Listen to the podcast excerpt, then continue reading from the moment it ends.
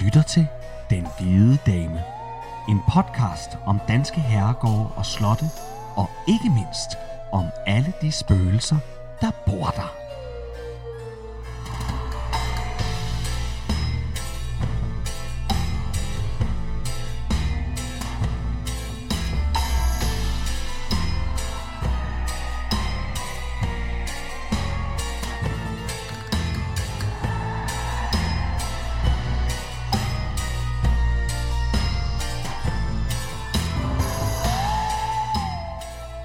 Velkommen til Den Hvide Dame afsnit 9. Hvis du er til Danmarks historie og spøgelser, så er du kommet det rigtige sted hen. Jeg hedder Trine Gadeberg, og over for mig sidder Kasper Lefebvre. Øh, Kasper, 9. afsnit af Den Hvide Dame. Vi er så tæt på øh, et, lille, et lille jubilæum. 10. afsnit. Det er næste gang. Ja, det er det. Det er spændende. Jeg synes bare lige, vi lige skulle tage en lille snak om, hvor, hvordan vi vælger vores slotte og, Mm. og Øh, og det gør vi jo sådan set, fordi vi, vi kigger på alle mulige forskellige, også dem, som, som lytterne skriver ind omkring. Og så vurderer vi egentlig, når vi sådan graver lidt ned i materialet, hvor meget spøgelsestof der egentlig er. Fordi det må jo helst ikke være det samme. Der er jo rigtig mange blodpletter på, på gulv og, og hestefrinsken ude i, gård, på gårdspladser. Der, er- der er nogle kriterier. Ja, det er der. Og øhm, der er jo så mange af vores øh, øh, skønne lytter derude, der, der skriver til os med forslag inde på vores Facebook-side. Og bliv endelig ved med det. Det er Vi bliver fantastisk. så inspireret. Helt vildt. Og, øh, og, øhm, og som Trine, som du sagde, at, at, at de kriterier, vi vælger ud fra, det er at sige, jamen er der, er der nok spøgelseshistorier? Mm. Øhm, nogle gange, så, øh, så finder vi en historie. Ja, en historie, som man ikke rigtig har hørt før. Sådan. Ja, og den er sindssygt god, men så er der bare ikke flere historier, der knytter sig til stedet. Nej. Og så øh, begynder det at blive lidt omsonst at sætte sig ned og, øh, og prøve at finde ud af øh, noget med historien fra stedet, ikke sandt? Men, men vi har snakket om noget. Vi har Mm. mm. snakket om, at vi vil lave sådan en, et, øh, et afsnit her i løbet af sommeren, hvor vi sådan samler op på de slotte, som måske ikke har så meget spøgelsehistorie over, så man har nogen, men ikke nok til et afsnit. Ja. Og så kunne man lave sådan en, en 4-5 slotte, hvor man simpelthen samler op. Ja, Det har vi snakket om. Ja, det vil vi gøre. Og, øhm, og jo, så skal der selvfølgelig også være noget historie på slottene, men, men det, er ikke rigtig, det er ikke rigtig lykkedes os endnu at finde et slot, herregård, gods, borg, kloster. kloster, som ikke har nogen god historie. Mm. Altså, man vil sige, ofte så sker der faktisk det, at hvis ikke, hvis ikke der er den store, sådan, hvis stedet ikke er tilknyttet på en vanvittig historie, så er der helt sikkert nogle af de mennesker, der har boet der, Som der, er interessant. der, der er interessant. ja, Ikke? som har en historie med Så, sig. så det er sådan set aldrig det, der er problemet. Nej, det er mest det der med at Nå, finde ja. spøgelseshistorierne, som ikke øh, gentager, så vi ikke gentager os selv. Men nu skal vi til Borgerby. Ja, for pokker. Ja, Hold da op.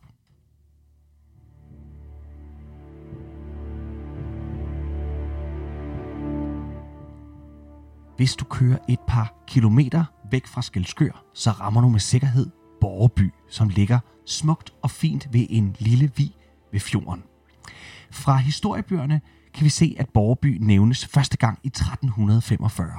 Men ifølge diverse rygter og overleveringer, så skulle Borgerby faktisk hænge tæt sammen med den bygherre, der anlagde en borg ved den nærliggende halvø Stisnes, opkaldt efter den sti, som byggede der, nemlig Marsk Sti. I 1280 skulle Marsk Sti have opført en borg på højdedraget og kaldt den Borger.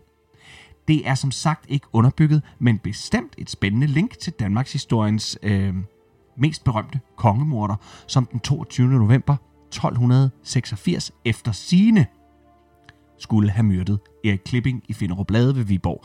Og det er med tryk på efter sine, for det er jo aldrig rigtig blevet bevist, at det var ham. Og øhm, jeg fandt faktisk ud af, Trine, at 1286, som er det år, hvor, øh, hvor øh, at, øh, Erik Klipping bliver myrdet, det er sidste gang at i der er- Danmarks historie, ja. at en statsleder bliver myrdet. Eller en konge. Ja, En konge, statsleder, Slash. slash. Ja. Det er ret vildt. Ja, hvor jeg sådan taget og siger, ej nej, nej, der kommer der nogen senere, gør der ikke det, men det gør der ikke. det er næsten 800 år. Ja. Næsten, eller... Det er ret flot, ja. Ja. når man tænker på, øh, at nogle af de lande omkring os, øh, Jeg faktisk tænker også i nyere tid, ikke? Olof Palme. Olof Palme for eksempel, ikke? Og, og så videre længere ned, øh, øh, øh, diverse fyrster og... Øh, øh, Kennedy blandt andet også, ikke? Ja, Kennedy og, og, og, og hvad har du ellers, ikke? Men, men det er ret vildt at tænke på, at i lille Danmark, øh, og alligevel med så øh, vild en kongehistorie, så har vi ikke haft et mor på Og så konge. mange krige, der har været ind imellem, Ja, ikke? Altså, Det har været noget siden 1286. Lad os håbe, det bliver ved. ja. Nå, tilbage til Borgerby. Her ved vi med sikkerhed, at det som sagt første gang bliver nævnt i 1345 under navnet Burgby, og dets ejer var adelsmanden Niels Jensen. I slutningen af 1300-tallet, der hedder ejeren Lave Niels Urne, som sælger Borgerby til svigersønnen Sabel Kærkendorf, som igen i 1410 sælger det til Roskildebispen Peder Jensen Lodehat. Det er nogle sjove navne. Ja, det er det. Lave, Niels Urne, Sabel, Kærkendorp og Lodehat. Lodhat. Ja, det lyder som tre dværge fra et Tolkien-eventyr. Snevide de syv små Ja. dværge. Biskoppen er her i 1410 en af de helt tunge drenge, når det kommer til ind- og udenrigspolitik. Han var kansler, personlig rådgiver for dronning Margrethe den Første, et job, som han havde, som havde givet ham den position som Roskilde bisp. Før det så havde han været biskop i Væksø i Sverige, og siden øh, Aarhus. Han var en af arkitekterne til Kalmarunionen, og visse historikere tilskriver også Peter Jensen Lodhat som forfatter og skriveren af Unionsbrevet, eller Kalmar Unionsbrevet, med de juridiske regler for selve Kalmarunionen. Et dokument, som med al sandsynlighed aldrig rigtig har været gyldigt ifølge datidens jura og regler. Det er en helt anden historie, som vi øh, ikke har tid til i den her podcast, men som man roligt kan dykke ned i, øh, da det faktisk ikke er så tørt og, og kedeligt, som det lyder det her med jura. Men øh, da jeg lige nærlæste lidt omkring det, så er det faktisk ret spændende, fordi noget, noget tyder på, at Kalmarunionen faktisk aldrig rigtig har været lovlig. Jamen, Jamen dog. Nå, det var godt, de ikke lagde mærke til det. Mm. Hvorom alting er, så er Borgerby øh, nu et bispelen, og forbliver det frem til, surprise, surprise, 1536, reformationen, hvor det falder ind under kronen og går fra bispelen til kongeligt len. det var altså et vildt år, det der 1536. Vi støder på det nærmest næsten i hvert Jeg afsnit, tror ikke, vi kommer udenom det. Det er en, det er, det, det, det, det er en kæmpe, det er en kæmpe ting Ja. i, i Danmarks historie, og hele Europas historie. Nå. 1536. I 1553 overlader Christian den 3. Borgerby til sin kansler, Johan Fris. Og nu, nu kan historien om Borgerby for alvor begynde. For med Johan Fris ved roret sker der ting og sager. Det burde faktisk ikke komme bag på nogen, når man kigger på Johan Frises CV og gerninger allerede her ved overtagelsen i 1553, hvor han er 59 år gammel. Johan Fris var i sin unge år en meget berejst herre. Han havde set det meste af Europa, da han tog sin magistergrad i Kølen. Efter de endte studier, så vender han hjem til Danmark, hvor han hurtigt gør kometkarriere i det danske kanseli under Christian den 2. Og i 1532 udnævnte Frederik den 1. ham til kongens kansler. Han kom rigtig godt ud af det med kongens søn Christian. Senere det, der blev til Christian den 3. De to mænd delte først og fremmest trosretning. De var nemlig begge meget betaget af Luther, som de også begge to havde mødt på rejser i Tyskland. Og således blev Fris en af Christians tidlige støtter. Som åben protestant sad han en kort overgang fængslet i Tyskland, da han sammen med en række andre blev overrumplet af grev Christoffer i Nyborg. Men efter endt fængselsophold tog han tilbage til Danmark, hvor han på politisk hold kæmpede for Christian den 3. som konge, og således blev det også. Ved slutningen på Grevens Fejde blev Johan Fris indsat som rigsdagens leder under kongen naturligvis. Dette nye embede gjorde det muligt for ham blandt andet at rage en masse godser til sig, og han må betegnes som en såkaldt godssamler. Men to af de godser, som skulle komme til at nyde rigtig godt af den indflydelsesrige Johan Fris, var Heslager og så selvfølgelig Borby, som begge hører til nogle af de første renaissance-slotte, vi har i Danmark. Borgebys hovedbygning er således opført af Fris. Den blev opført godt 400 meter fra den oprindelige, som i dag kun er et voldsted. Der blev lavet voldgrave og skoldehuller og skydehuller. Oj, stop lige. Skoldehuller. Skoldehuller, Skoldehuller. det siger næsten sig selv. Skoldehuller, det var de her huller, man øh, lavede i borgmurene, hvor øh, i man kunne hælde øh, kogende vand, kogende olie, kogende tjære ud af og ned i, i hovedet på øh, mennesker, der prøvede at, at, Og kom ind og ja, storme prøvede at storme et slot. Ikke? Så de blev simpelthen skoldet. Så blev man Det skoldet. har jeg aldrig hørt om før. Det har du aldrig hørt? Skoldehul. Nej, det har jeg Jamen, du har godt, ved godt, at man gjorde sådan noget, kastede sådan noget ud over. Mm, Ikke? nej. Nå, nå. Måske er der nogen, der har sagt det, men jeg har ikke hørt efter. Okay. Ja, Skoldehuller. jeg, jeg, det er i hvert fald... Det, Det er ikke noget, man laver mere i vores øh, Ja. bygninger. det håber jeg. Det kunne, Skal du have et par skoldehuller i carporten? ja. det man lige skal huske på, grunden til, at han får lavet de her ting, fordi man tænker, hvorfor får du lavet alle de her ting? Det er, fordi vi kun lige er på den anden side af grevens fejde, og der således stadig visse steder i landet var lidt uro. Johan Friis han tog i hvert fald rent arkitektonisk sine forholdsregler, i tilfælde af, at der skulle komme nye oprør og mulig borgerkrig. I det hele taget må størstedelen af borgerby, vi kender i dag, tilskrives Johan Friis.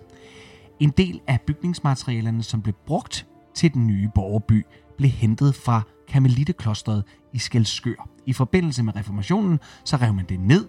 Øh, det var jo ubrugeligt nu, det var et katolsk kloster, det brugte man ikke noget. Og særligt trappetrinene i en af tårnene på Borgerby vidner den dag i dag om den her meget brutale udskiftning af religionen i Danmark. Trappetrinene er nemlig lavet af ligsten fra klostret. Altså de her indendørs gravstene, som blev lagt i gulvet. Og der er vel næppe en større hån mod de afdøde og katolikkerne i det hele taget, end at bryde gravfreden ved at tage deres gravsten og lave det om til trapper. ja, og ved du hvad, Kasper, der har du faktisk ifølge mange forskellige forklaringer på, hvorfor Borgerby er så hjemsøgt, som den er i dag. Og det er simpelthen på grund af de her ligesten. Øhm, fordi de blev simpelthen øhm, snittet til, kan man jo ikke sige, blev hugget til og blev lagt øh, som trappetrin. Og man kan i, i dag se inskriptioner fra afdøde, som altså stammer helt tilbage fra, fra klosteret af. Det er jo helt vildt. Så man, altså man, har, man har jo forstyrret gravfreden ved at simpelthen have brudt dem op. Det, det, er, en, øh, det er en... Øh, Det, det er en hån. ret, ja, det er en hån, og det er, en ret, øh, det er en ret ubehagelig magtdemonstration. Altså, Mm. man kan jo sige, nå ja, så nedlægger vi det. Det er, hvad det er. Mm. Det kan være slemt nok i sig selv, men, øh, men er lige frem at, at bruge noget så heldigt som, som folks gravsten. Men det har jo ikke været heldigt for Johan Friis, for han, har jo, han var jo videre i den nye trosretning, ikke? så han har Jo, sikkert jo. tænkt, Og jo, men øh, jeg er ret sikker på, at og, og særlig en mand som Johan Friis, øh, det vil vi også øh, vide senere, øh, har nok ikke, han har nok gjort det med velved, velvidende, hvad det var. mm, Nå.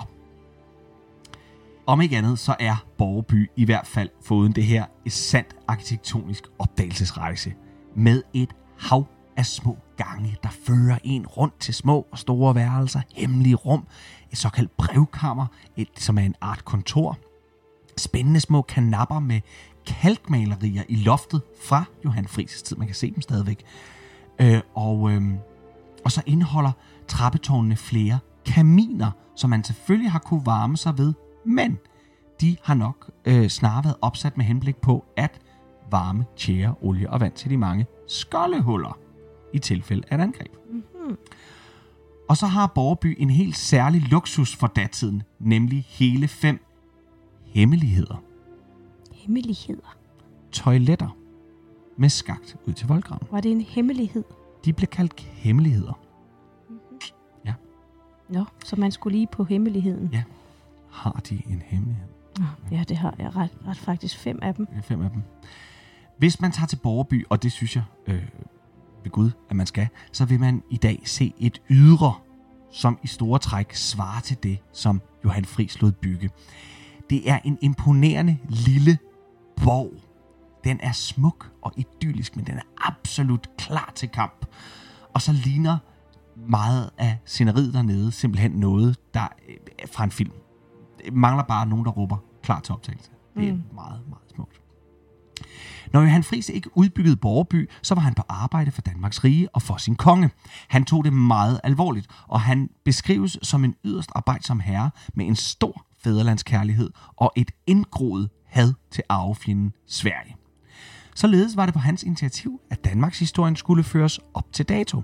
Han lod historikeren Hans Svanning fortsætte, hvor Saxo Grammaticus sluttede med Gesta Danorum.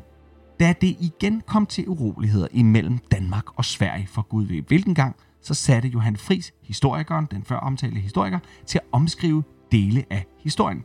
Nærmere betegnet den svenske historie, som under den svenske ærkebiskop Johannes Magnus var blevet skrevet. Den havde dele i sig, som bestemt ikke fik Danmark til at tage sig ud fra sin bedste side. Så Hans Svanning gendigtede dele af Sveriges og dermed også Danmarks historie. Så særligt et afsnit om kong Hans blev mere i dansk favør. Ej. Det var selvfølgelig øh, grov manipulation, og det vi i dag vil kalde for fake news, som Johannes Fris her brugte som et politisk våben. Ikke desto mindre, så blev værket udgivet med titlen. Og Trine, nu får du lige her en lille seddel af mig, hvorpå titlen på det her historiske værk står. Og det må du godt lige læse op. Øh, og forestil dig, at du går ind i en boghandel og beder om bogen, der hedder Refutatio colonarium cujustam Ioannis Magni Goti, huic assessit chronicon sive historia Ioannis Regis Daniae in declarationem eiustem refutitis. Nej, refutaniotis. Nej, nis. Refutationis. Sådan var det. Det er titlen. Det er titlen på bogen. Det var Frit oversat, og lidt kort oversat, betyder det tilbagebevist påstand fra en Johannes Magnus om falske anklager imod en dansk konge. Ish. tæt på dansk, er det en lang titel, ikke? Nå, det er vildt. Det var i øvrigt også Johan Fris, der med al sandsynlighed viskede Frederik den anden noget i øret omkring 3 kroner i det danske våbenskjold.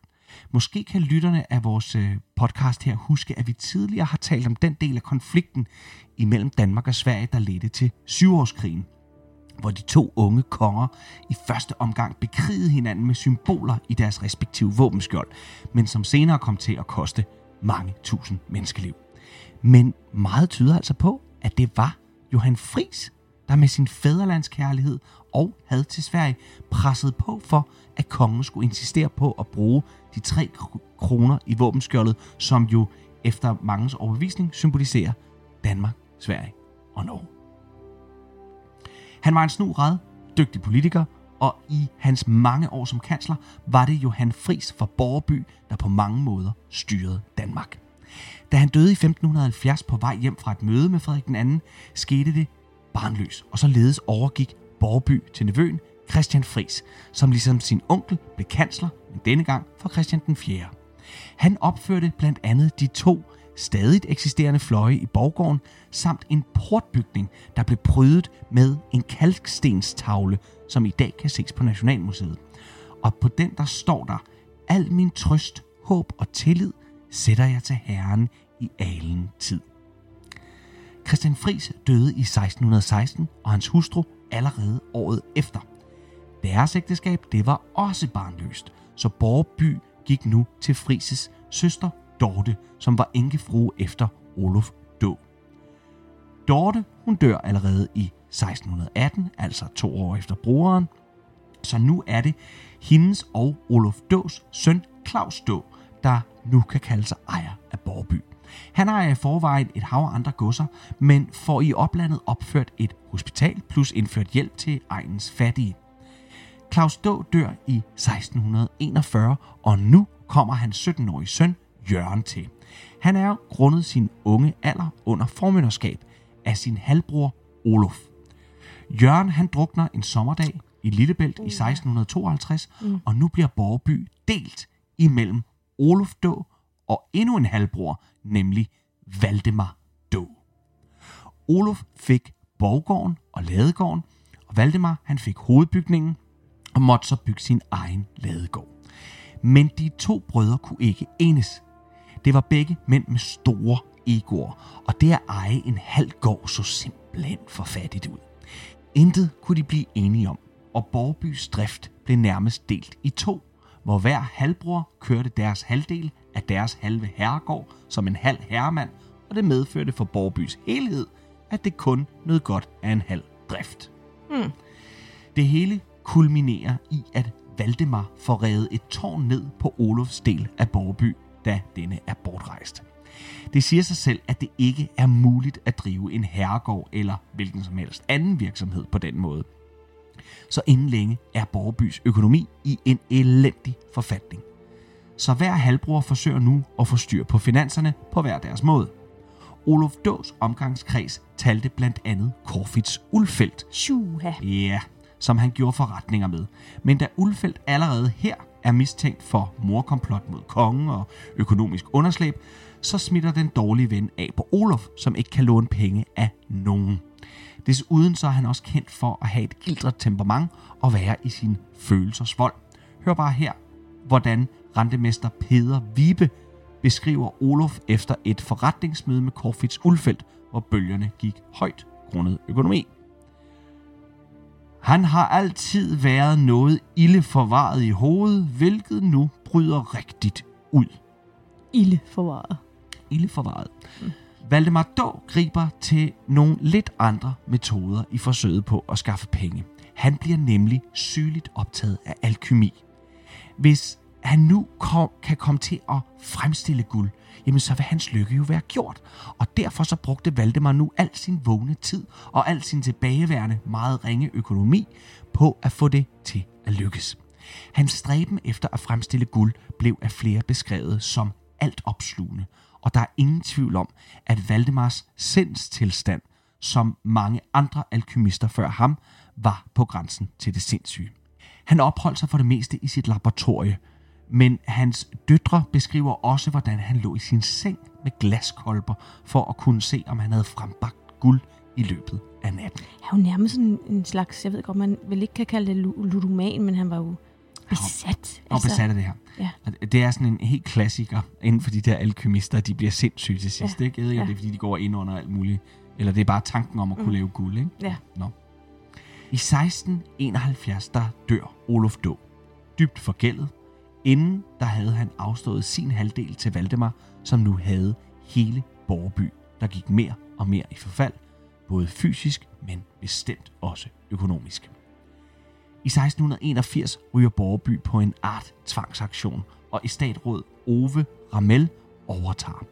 Han tilbyder dog Valdemar, at han kan blive på Borby resten af sine dage kvidt og frit. Men Valdemar er trods alkymismens tåger klar nok i mailet, at han stolt afslår og forlader Borby til fods med en stok i sin ene hånd og en glaskolbe i den anden. Han dør i 1691 i Jylland og ligger begravet i Viborg Domkirke.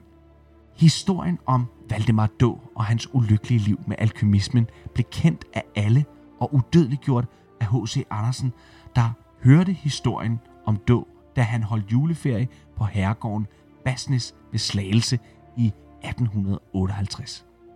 Han skulle efter sine have begyndt at skrive allerede juleaften og være færdig med sin fortælling, som fik navnet Vinden fortæller om Valdemar Då og hans døtre. Den var han færdig med anden juledag. Ove Ramel får styr på Borgby, og over de næste små 100 år, der skifter Borgby ejer en del gange, indtil 1783, da kammerherre, kavallerioberst og senere generalmajor Joachim Melchior Holten Kastenskjold køber Borgeby for 100.000 ristaler, og lige siden, der har Borgeby været på slægten Kastenskjolds hænder. Kastenskjolderne har blandt andet haft en stolt militærhistorie i familien, da en af Borgebys ejere i 1866 er Karl Wilhelm Behagen Kastenskjold. Karl Kastenskjold blev kendt for sit heltemod under krigen i 1864, hvor han med stor dygtighed holdt den berømte Skanse 2, som var under kraftig og konstant beskydning fra tyskerne. Han kæmpede på lige fod med sine soldater, som elskede ham og gladeligt fulgte ham i kamp. Han blev den 18. april 1864 hårdt såret, men overlevede. I dag drives Borby af Joachim Kastenskjold, som i sin egenskab af skuespiller har opnået det nærmest umulige, nemlig at kombinere livet som godsejer og skuespiller ved at have skabt et teater på Borgerby, som er særdeles aktivt med mange forestillinger, shows og koncerter. Udover teatret, så kan man selvfølgelig også besøge det smukke Borgerby, hvor et hav af andre aktiviteter hvert år trækker mange besøgende til. Det var historien om Borgerby. Men nu, nu skal vi finde ud af, hvem det er, der leger med lyset. Og hvorfor det pusler i kælderen om natten. Og om godsejer Frederik Bærgaard blev gravet dybt nok ned ved sin død, eller om hans dobbeltgænger stadig er derude. Der er mørkt, og kun lige lidt lys kommer ind af kældervinduet. Ved det gamle bord står der en mand fra fordomstid og ruder febrilsk ved nogle målekolber. Han fumler og mærker ikke vores tilstedeværelse. Han er travlt. Han nærmest, han nærmest løber fra glaskolbe til glaskolbe. Han griber ud efter måleglasset, og ved forskellige miksturer, der står overalt i rummet, forsøger han forgæves at fremstille guld. Han placerer glaskolben i en, en jernholder over åben ild. Det ryger, og det sprutter, og der lugter fælt af brændt svovl. Han tager glasset af beholderen for at se resultatet. Han er så spændt, så spændt, så spændt, men taber det. Så glas og mikstur rammer gulvet med et klir. Glaskornene ligger nu spredt på gulvet. Det samme gør miksturen. Han skraber det hele sammen igen, så godt han kan, og så starter han forfra. Griber ud efter et nyt målebær, alt imens hans sko knaser i nogle glaskår, som han ikke lige fik faret op. Han blander på ny mikstur og sætter gang i ilden. Han følger spændt resultatet. Han virker manisk. Det er Valdemar dog, men han lever ikke mere. Det du ser er hans genfærd, og efter sine er han ikke kun i kælderen, men overalt på Borby Slot. Han ligger i sin kiste om dagen, men om natten slår han kistelåget op, og så går han i kælderen for at lave flere forsøg. Han er besat af at lave forsøg. Såvel som da han var i live, men også i døden. Man mener, Valdemar Då går igen, fordi han ikke fik færdiggjort sin dyre hobby, nemlig at fremstille guld, eller at forsøge at fremstille guld. Et projekt, der kostede ham alt, alt for mange lærepenge. Som Kasper sagde, så blev han forgældet op over begge ører og forlod Borby som en meget, meget fattig mand. Men altså flere forskellige mennesker beretter om hans tilstedeværelse, blandt andet også i kælderen i færd med sine forsøg. Borbys tidligere ejer, Karl Henrik Kastenskjold, ham, har forskellige gange fornemmet noget, når han sad i sit kontor i kælderen. Han var en meget, meget arbejdsom mand og benyttede også netterne til at arbejde i. Og, og i disse natlige stunder var han ikke alene, for, for selvom han havde hunden med, ja, så er det jo ikke hunden, jeg refererer til. For hunden fornemmer nemlig også tilstedeværelser af energier og personer, og så pep den eller gøde, når den fik færden af noget. Karl Henrik Kassenskjold, han beskrev sådan en, en fornemmelse af, at nogen eller noget var omkring ham, noget bevægede sig rundt om ham. Og det gjorde de særdeleshed en aften i familiens skød. Karl Henrik Kastenskjold sidder sammen med sin datter Louise og svigersøn i kaminstuen. De hygger sig ved pejsen og nyder en stille godnatøl. Der er nok at slude om, fordi Louise hun bor til daglig i England med sin mand, men hun var hjemme for at besøge sit barndomshjem. Klokken nærmer sig midnat. Louise drikker ud og rejser sig for at hente sengetøj til hende og manden. Hun går igennem riddersalen, forbi den store dragkiste og ind i, i kammeret, hvor hun henter sengetøj. I det hun vender om og skal til at krydse riddersalen igen, bliver hun forskrækket af klokken, der markerer, at nu er det midnat. Hun ryster lyden af sig, og så går hun igen igennem riddersalen. Her stopper hun pludselig op. Den store dragkiste står piv åben. Noget Louise helt klart ville have registreret, da hun passerede den for få minutter siden. Og ingen anden har i mellemtiden kunnet nå ind i riddersalen og åbne låget. Louise hun står fuldstændig som forstenet og stiger på kistelåget. Lige pludselig begynder kistelåget at lukke i af sig selv. Og ikke med et smæld, som man skulle tro, men langsomt, som om det var med sådan en ført hånd. Fuck off. Det siger sig selv, at sådan en gammel kiste, den er ikke udstyret med sådan en mekanisme, der, der sådan kan holde låget tilbage, så det kan falde langsomt i. Ligesom, ligesom sådan et toiletbræt. Ja, præcis, som et toiletbræt. Nej, for sådan en gammel kiste, så er der to muligheder. Åben eller lukket. Louise, hun kan dårligt trække vejret, og hun mærker panikken brede sig. Låget, langsom, eller låget lukkes langsomt i, for så til sidst at omsluttes med et bum, bum, bum. Louise hun styrter ned til sin far og til sin mand for at fortælle om, at hun lige har været vidne til. Og, og de går med hende tilbage øh, til riddersalen, men kisten den står, som den plejer. De åbner den, men de bliver ikke mødt af genfærd eller, af en ført hånd, men derimod af fjer og støv fra, støv fra gamle dyner og puder. Er det ikke uhyggeligt? Altså, Tænk så, hun Jamen, har stået og kigget på, at den sådan her... Jamen det er også det, fordi det virker som om, at, at, at, at hvad end det er, venter Ja. til hun står der. Som om, prøv at se her. Prøv at se, hvad jeg gør lige nu. Prøv Mm. at kigge. Prøv at kigge. Prøv at kigge. Mm. Altså, som om, ja, ja, ja, fy for helvede. Jeg ville næsten hellere bedre kunne klare, hvis den bare var knaldet i med et brag. Så havde Mm. man fået et chok, Mm. Og tænkt, nå, nogen havde glemt, og så Ja, vinden andet, har taget sket, den, ja. eller sådan noget, ikke? Jordskæld. Eller hvad? Ja, ja, men Ja. sådan langsomt. Mm. Puha. Er du klar til at høre mere? Ja, endelig kom. En amerikansk turist skulle øh, overnatte på Borby og skulle rigtig sådan opleve det gamle Danmark og mærke historiens vingeshus og eventyr ved at bo på det her danske slot. Og ovenikøbet sådan et, et slot, der var gjort kendt af H.C. Andersen, ikke? Og han fik både eventyr, og så fik han også et lysshow med hjem i bagagen, øh, i bagagen som var fuldstændig gratis. Man kan, man kan lige forestille dig, du ved, sådan rigtig Amerikanere. Hans Christian Andersen. Wow, beautiful Denmark. Yes. Wow, yeah. Men han stod og børstede tænder, og han glædede sig til at krybe til køjs i den her store, smukke seng. Der skulle han ligge som en ægte prins fra et eventyr. Han slukkede lyset, men lyset tændte med det samme af sig selv igen. Og så tænkte han, og der ramte jeg vist ikke lige kontakten ordentligt, eller også er der sådan lige en løs forbindelse. Så han prøvede igen. Samme resultat. Han slukkede. Det tændte. Han slukkede. Det tændte. Han slukkede og der skete ikke noget. Han lagde sig under dynen, og så begyndte lysshowet. Sluk, tænd, sluk, tænd, sluk, tænd. Og amerikaneren, han greb fat i alle sine ting i en fart og styrte ned i hallen, hvor han heksene fik fremstartet, at, at han ønskede at sove i et andet værelse, hvor han kunne være helt alene. Og amerikaneren, han er ikke den eneste gæst, der har været udsat for natlige spøgerier. For der er uforklarligt meget natlig larm og rumstering i flere steder øh, på, på slottet. Folk de hører hjerteskærende skrig fra voldgraven, og hver eneste gang nogen hører de her skrig, så løber de jo ned for at hjælpe vedkommende, der skriger. Men der er ikke nogen, når de kommer derned. Der har også været sådan et, et særligt værelse på Borby. Øh, fortællingen om det er, at, at man altid skulle redde sengen, som om, at, øh, som om, at det skulle benyttes aften efter aften. Men der var bare aldrig nogen. Men sengen øh, skulle være ret, og næste morgen, når rengøringen kom, så lå der en mønt og en uret seng. Altså det lå som om nogen havde været i den Nå, seng. okay, så ja, ja. Hvis man en enkelt gang skulle så glemte at redde sengen, så var der en jam under spektakel inden for værelset. Døre blev smækket i, og der var råb og, og den her rumstering igen. Lige indtil man så redde sengen, så, så, blev der, for- så, så faldt det til ro.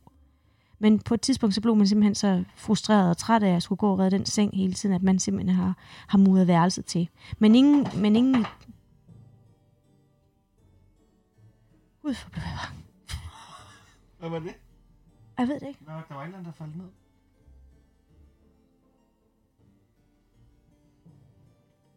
Kan jeg fortsætte?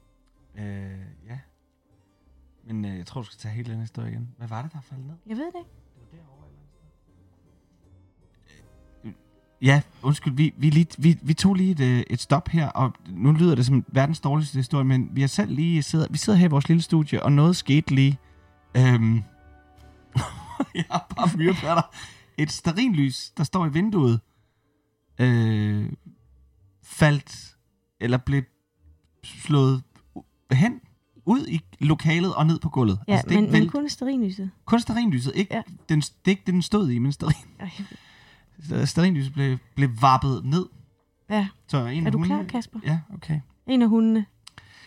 Jeg sagde, at vi skulle ikke optage det her om aftenen. Det er alt for hyggeligt. En af vores uh, hunde ligger herinde i studiet og, måtte, og fik simpelthen et chok. Nå, jeg går videre.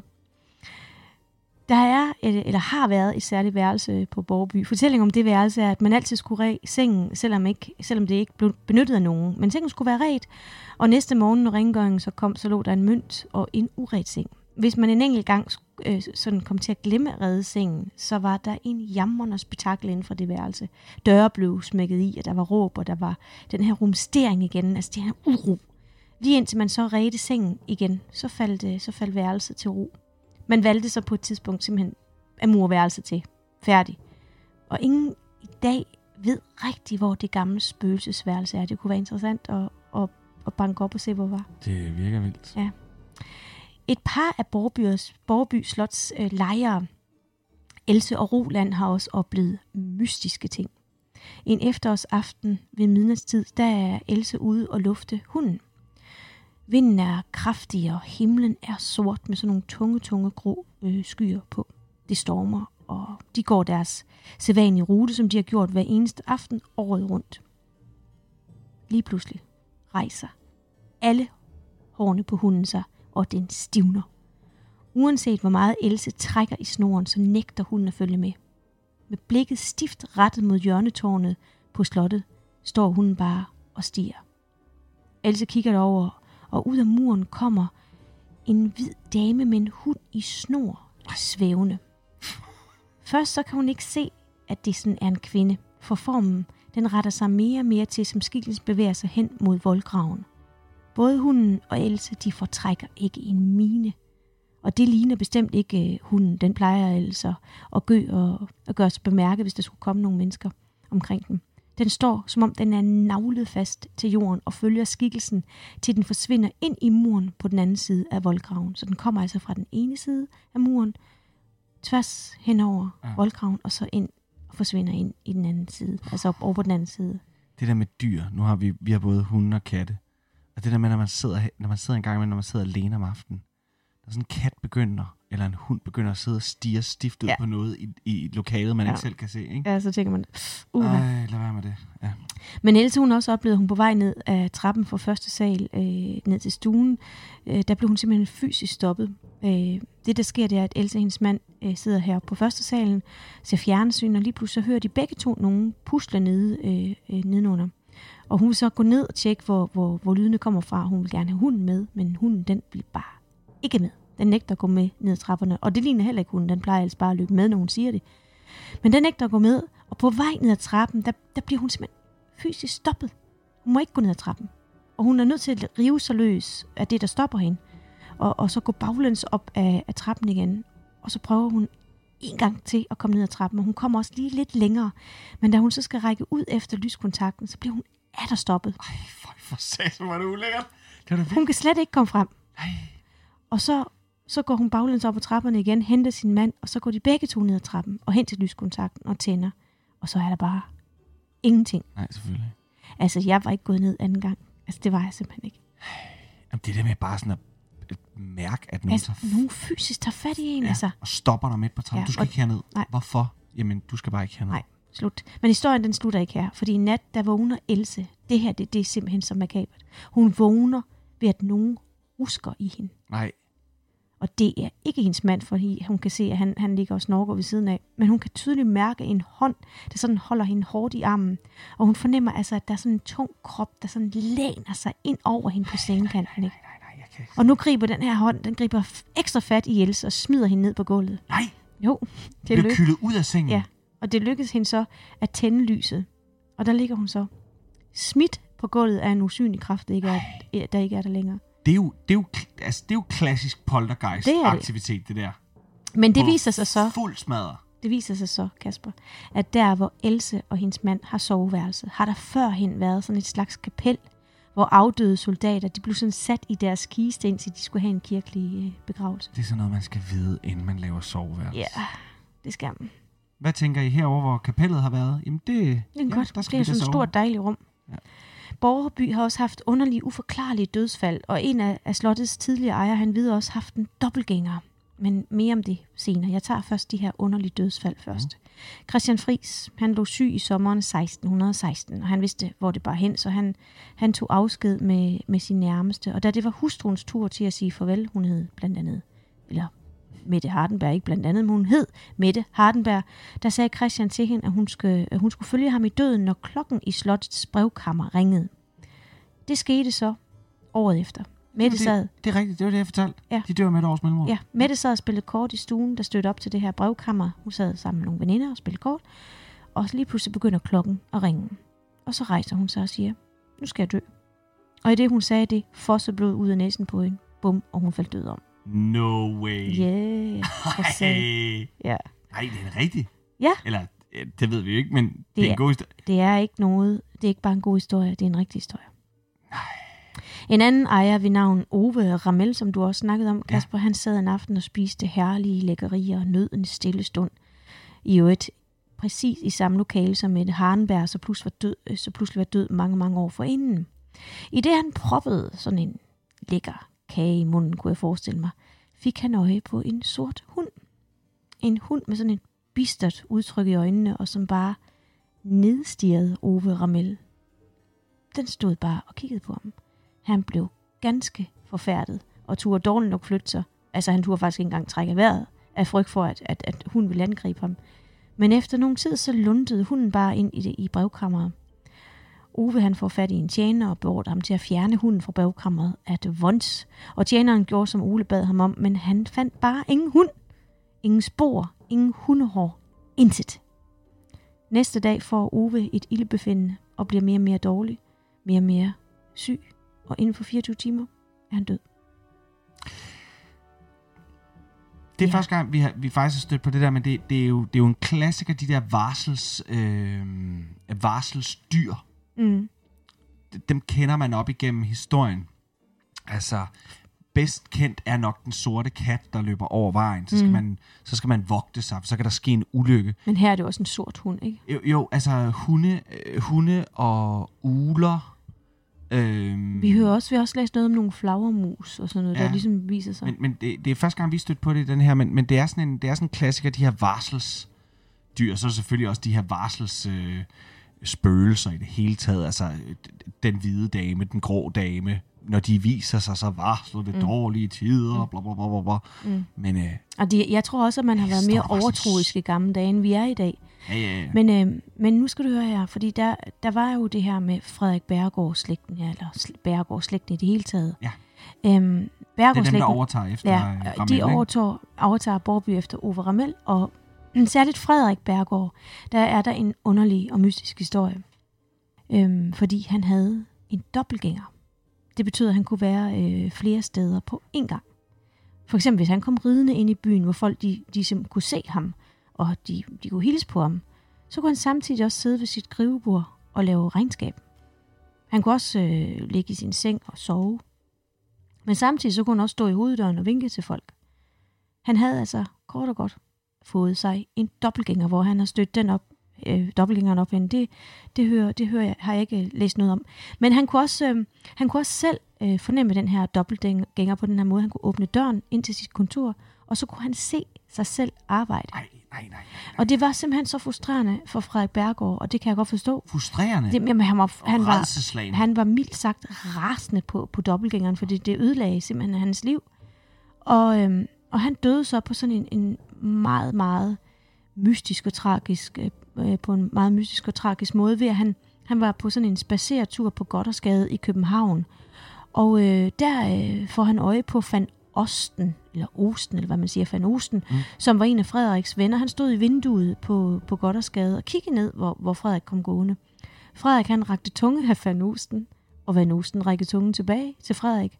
Og i det, Van Osten peger på Frederik, falder han død om. Altså Frederik falder død om. Da man så senere undersøger Frederik, altså livet, så finder man en seddel i inderlommen, hvor i der stod, at han ville begraves i det tøj, man fandt ham i. Og han skulle begraves så dybt nede i jorden, så hans ben ikke nogensinde skulle kunne betræde jorden igen. Man gjorde, som han, som han forlangte, og, og så smed de ovenikøbet kæmpe sten over hans kiste samt kalk, bare lige for at være sikker på, at den her dobbeltgænger ikke kom op på jorden igen. Fordi selv i, i døden ville Frederik være sikker på, at, at man ikke så mere til ham. Man har heller ikke set eller hørt til dobbeltgængeren siden, så Monique der blev gravet dybt nok. Så det var, det var de her spøgelseshistorier, der knyttede sig om, om Borby. Det var, øh, prøv at høre, øh, øh, både varselsdyr og så dobbeltgænger. Fantastisk, Trine. Ja. Dobbeltgænger, ja. det har vi heller ikke haft endnu. Nej. Det er jo også, en, det er jo også sådan en, en, det er også en klassiker inden for det Jeg kommer til at sidde og tænke på... Øhm, Først så troede det var sådan en klæbeånd, men... men... Nej, nej, nej, nej, øh, nej dobbeltgænger, det, det kommer af tysk, og der, de er op igennem hele verdenshistorien, øh, kender man dem. Øh, faktisk helt tilbage fra...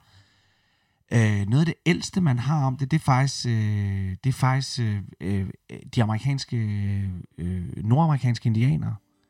De har fortællinger om dobbeltgængere, som noget meget, meget ondt, men de har det som en ånd, eller som noget mere...